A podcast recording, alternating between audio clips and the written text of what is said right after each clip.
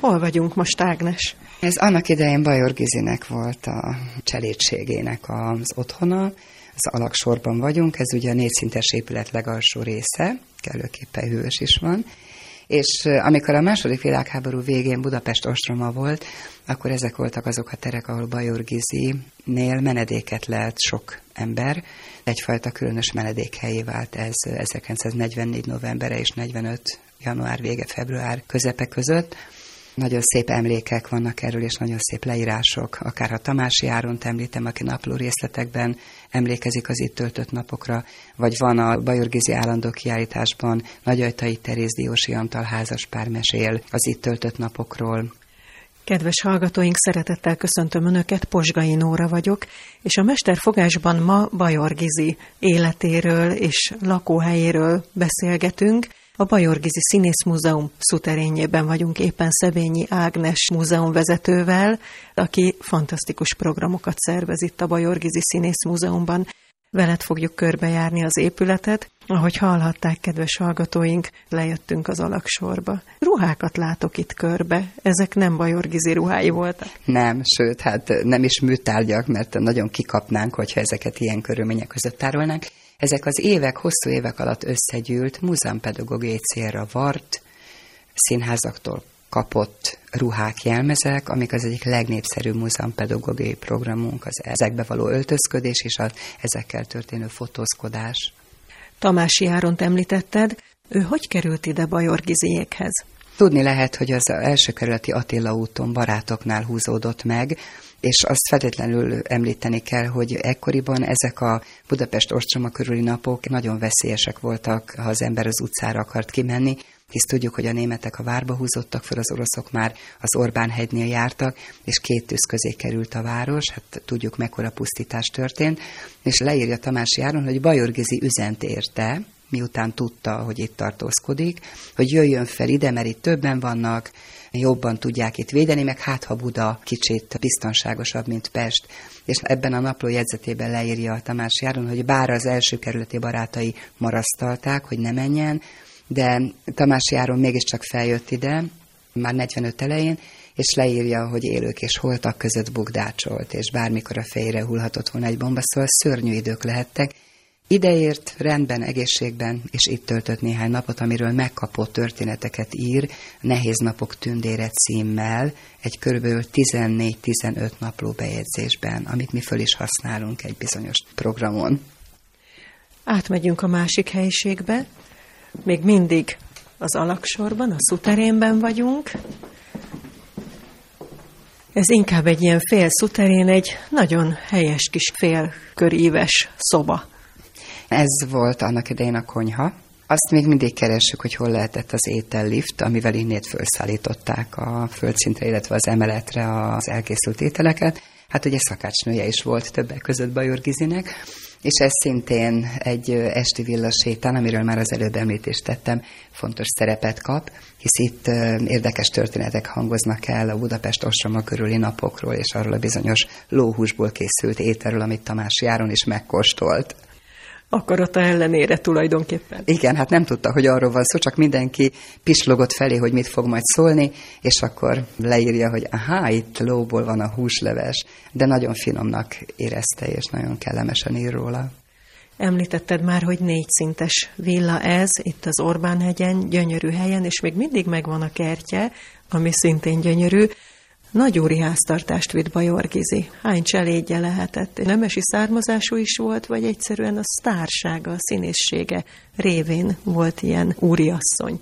Nem tudunk róla, hogy arisztokrata felmenőkkel bírt volna, de azért ugye tudjuk azt, hogy vannak emberek, akik született arisztokraták, és őt azért ez a nemzeti színházi világ, az a rengeteg csodálatos szerep, amit eljátszott, azt tulajdonképpen a privát életbe is hozta. Tehát szokták róla mondani, hogy egy privát pillanata nem volt, mert ha már egyedül a férje ott volt vele, már akkor színésznőként működött. És valahol az, hogy ők a férjével, Germán Tibor, kisorban a harmadik férje volt fülorgégész vezető főorvos, elismert szakember, és Bajor Gizi a hatalmas nemzeti gázsiával, azt gondolom, hogy eljuthattak arra az anyagi szintre, hogy ők bizony a felső tízezer életét élték, és hogy visszatérve az eredeti kérdésre, szobalánya, szakácsnője, kertészes sofőrje, szóval tényleg egy elég nagy háttér intézmény mozdult meg mögötte, Például azért, hogy a város szerte híres szalon életét vinni tudja. Köztudott volt, hogy szerdánként és vasárnaponként fogadott, és akkor a saját, illetve a férje barátait, kapcsolaterősítő partnereit is elhívták szoáréikra, felolvasó estekre, és nagyon nagy életet éltek itt. Város szerte, aki ebbe a társaságba bekerült, az büszkélkedhetett ezzel. Tehát ennek rangja volt, főleg a 30-as, 40-es évekről beszélünk. Tudsz említeni néhány nevet, hogy mégis kik fordultak meg Bajor Giziék otthonában estéjein? Hát igen, akiket mi magunk is ismerhetünk, inkább olyanokat mondok, mert ezeken kívül egyébként az orvostársadalom nagyja is megfordultak, de például a Gombaszögi Ella, Lukács Margit, vagy Csató Kálmán, az író rendező, Heltai Jenő, Herceg Ferenc, vagy Zilahi Lajos, az író, Szépernő, aki nagy rajongója volt a színésznőnek, Nagyajtai Teréz, Diósi Antal házaspár. Festőművész, Diósi Antal. Diósi Antal festő, Nagyajtai Teréz pedig ugye a vezető jelmeztervezője volt a Nemzeti Színháznak, és privát is nagy barátnője Bajor Gizinek. Vagy Pécsi Blanka, aki egyébként akadémiai osztálytársa is volt, mikor a Színművészeti Akadémiát elvégezte. Ezen kívül azért nem csak magyar emberek voltak, tehát ő egyrészt sokat járt külföldre, és például egy különlegesség, amit itt egy régi újságból kiolóztam, Edward Molino az egyik estjén például itt volt, ő nem más, mint az egyik nagy párizsi divatháznak a világhírű tulajdonosa. És ilyen emberek is megfordultak, és öregbítették a hírnevét ennek a háznak. Politikusok is jöttek? A Horti családról tudunk, hogy szinte baráti kapcsolatot ápoltak. Hogy konkrétan most ebben a házban kik fordultak meg, azt nem tudom, de az biztos, hogy Bajor Giziről van fotó, ahol a Horti család birtokán látható, és ott nagyon végkedélyű beszélgetést folytat. Most hova megyünk, Ágnes? Most fölmegyünk az emeletre, és ott egy kicsit körbenézzünk, ugyanis 1945-ig az volt a szűkebb otthona a villában Bajor Gizinek és a férjének Germán Tibornak. Itt megyünk fel egy nagyon szép fagrádicson, egy érdekes, tényleg úri lépcsőház. Ennek van-e valami története? Azt mindenképpen el lehet mondani, hogy ez megmaradt. Van egy Bajor Giziről szóló katalógusunk, amely nagyon szép könyv Bajor Gizi otthonairól, annak a könyvnek a borítóján is ugyanez a falépcső sor látható, ami a földszintről vezet föl az emeletre. Úgyhogy annak dacára, hogy itt azért a terek már némiképp átalakultak, próbáljuk folyamatosan rekonstruálni, de azért föllelhetők azok a, az enteriőrök, amiket Bajor Gizi lakott a férjével. Beléptünk az otthonába, tulajdonképpen itt a Bajorgizi termeibe, festmények találhatók róla. Elevenítsük fel egy kicsit Bajorgizi életét mikor született, 19. század végén, Mondtad, hogy harmadik férje volt ugye az orvos professzor, de addig mi történt vele? 1893-ban születik, 1951. február 12-én halt meg, 58 évesen. Nagyon érdekes, három gyerek születik a családba.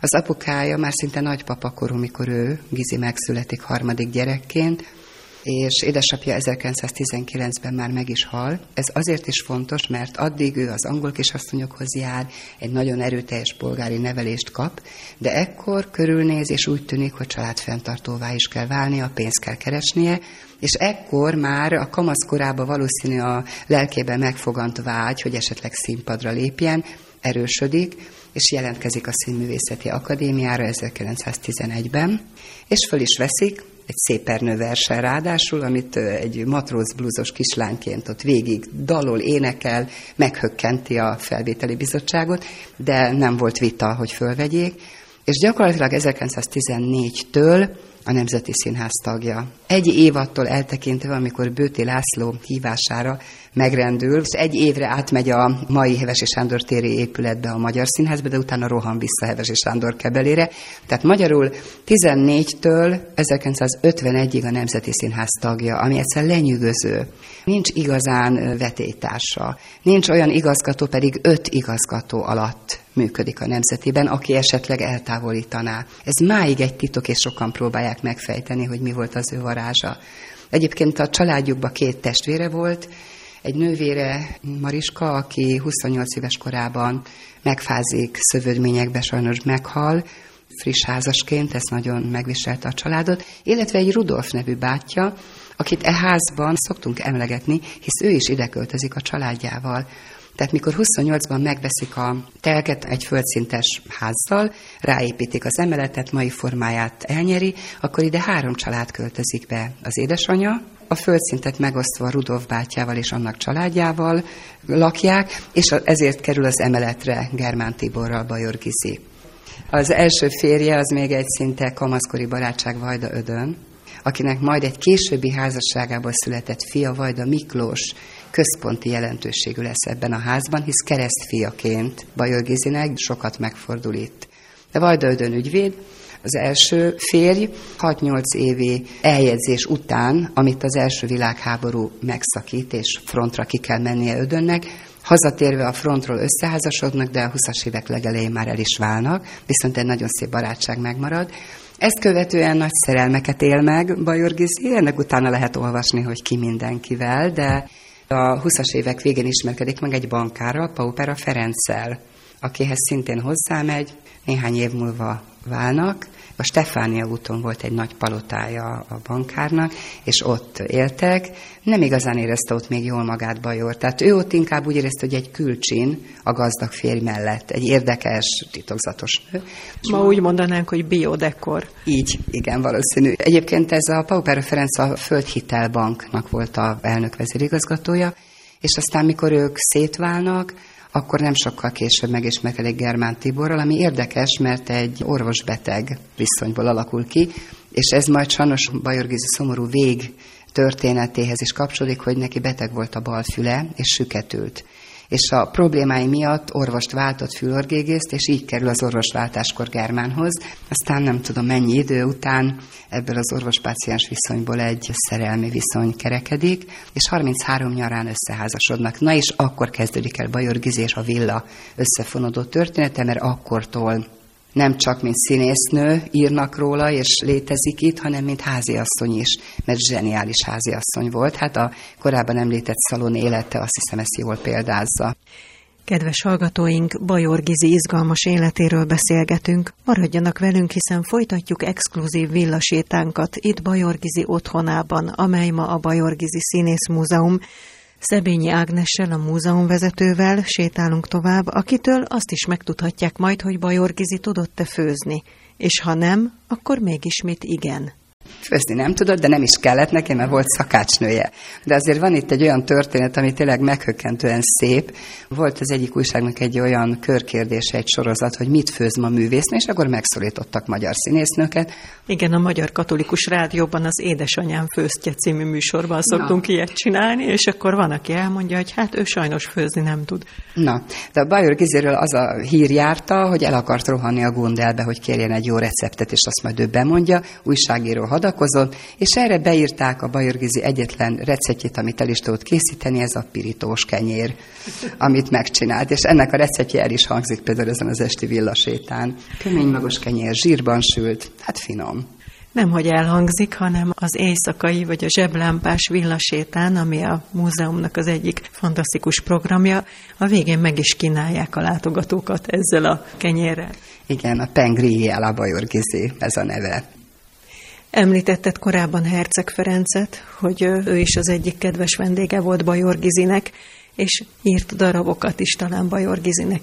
Így van, szinte házi szerzője volt Bajornak, és azért gondolom egy íróember nagyon örül, hogyha színpadon megvalósul, látja azt, amit ő az íróasztalánál elképzel. Herceg Ferenc abszolút benne volt a baráti körébe, és van egy történet, ami ugyan nem a Bajor Gizinek írott darabról szól, mert a Kék Róka című darabját Herceg Ferenc már 1917-ben megírja, de egy nagyon érdekes történet arról, hogy két különböző női színész alkat mennyire más tud kihozni ugyanabból a szerepből. De ehhez tudni kell, hogy a Kék Róka főszereplője egy Cecil nevű asszony, akinek van férje, van egy házi barátjuk, és van egy trill báró, aki nagyon erősen, hevesen udvarol a nőnek. És Herceg Ferenc olyan különösen alakította a történetet, hogy a darab végére egyetlen kérdés merül föl bennünk, és nem kapunk rá választ.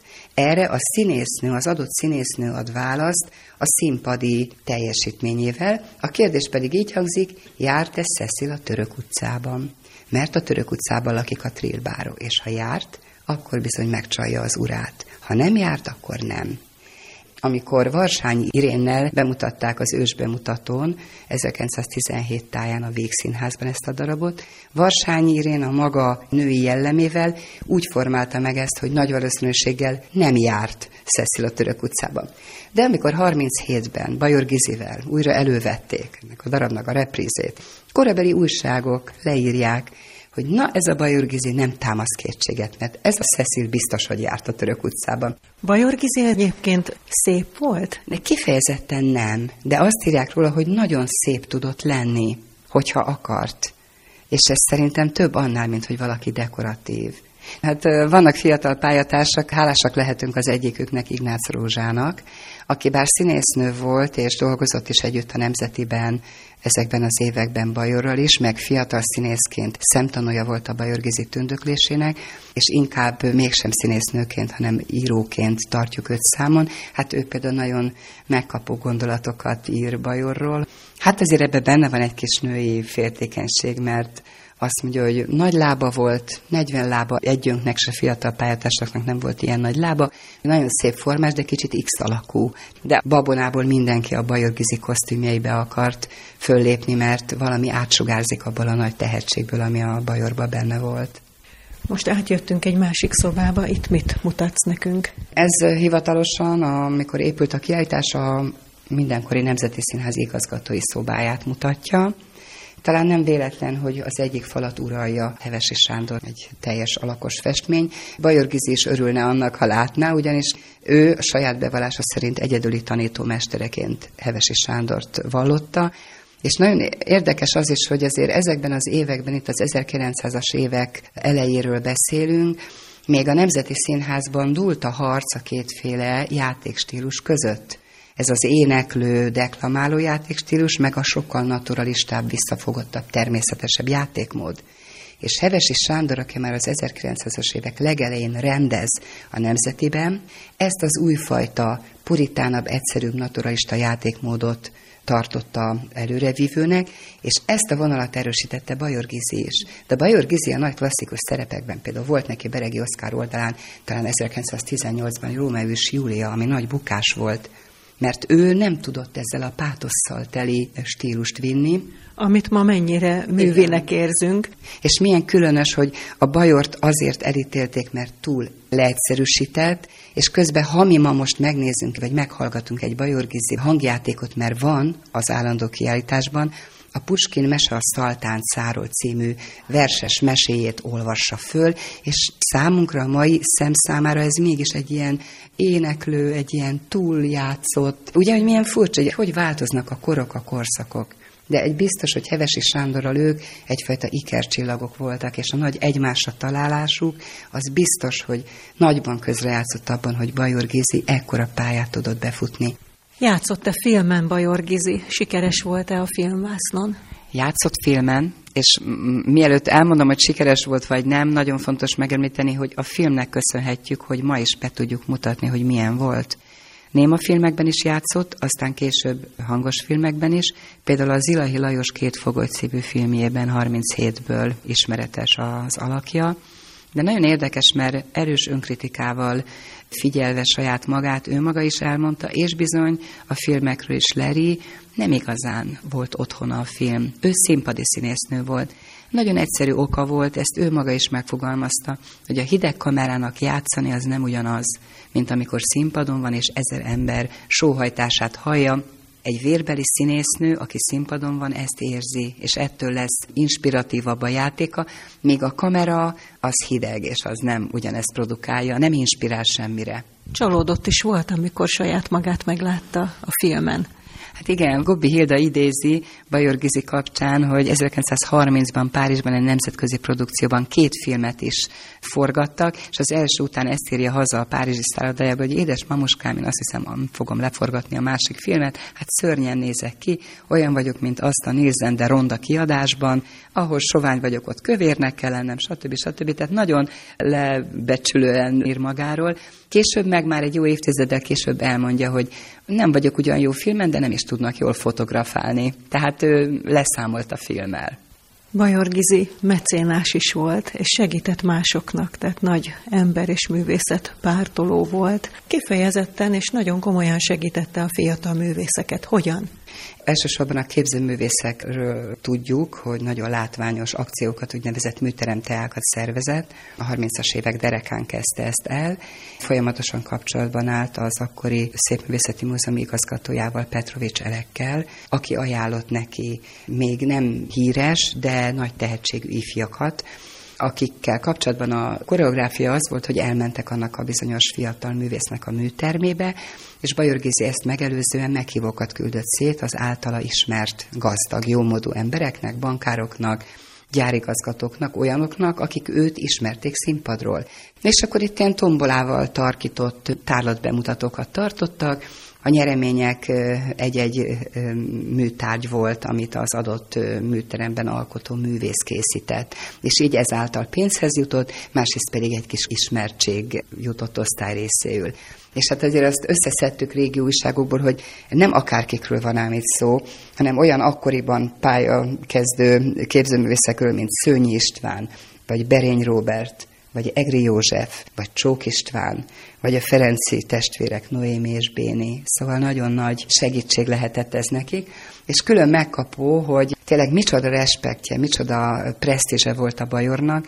Vannak a kézirattárunkban olyan levelek, amiket gazdag, jómódú emberek írnak válaszként bajornak a meghívójára, és nem tudnak elmenni, és végtelenül nagy elnézések közepette becsúsztattak a borítékba két-háromszáz pengőt, hogy azt akkor ők nagy örömmel felajánlják erre a nemes akcióra, és szoktunk gondolkodni ezen, hogy ugye azt hiszem Gál Béla rendezett 36-ban egy filmet, amiben a fősláger ez a havi 200 pengő fixel, az ember könnyen viccel, és akkor gondoljunk bele, hogy a havi 200 pengő nem is volt ezekben az években, a 30-as években olyan kevés pénz, Hát ez olyan, mintha ma két-háromszáz ezer forintot. No, igen, hogyha kicsit számolunk. Szóval ez csodálatos dolog volt. Többek között a kézirattárban megvannak ezek a pénztári bizonylatok Bajorgizi kezeírásával.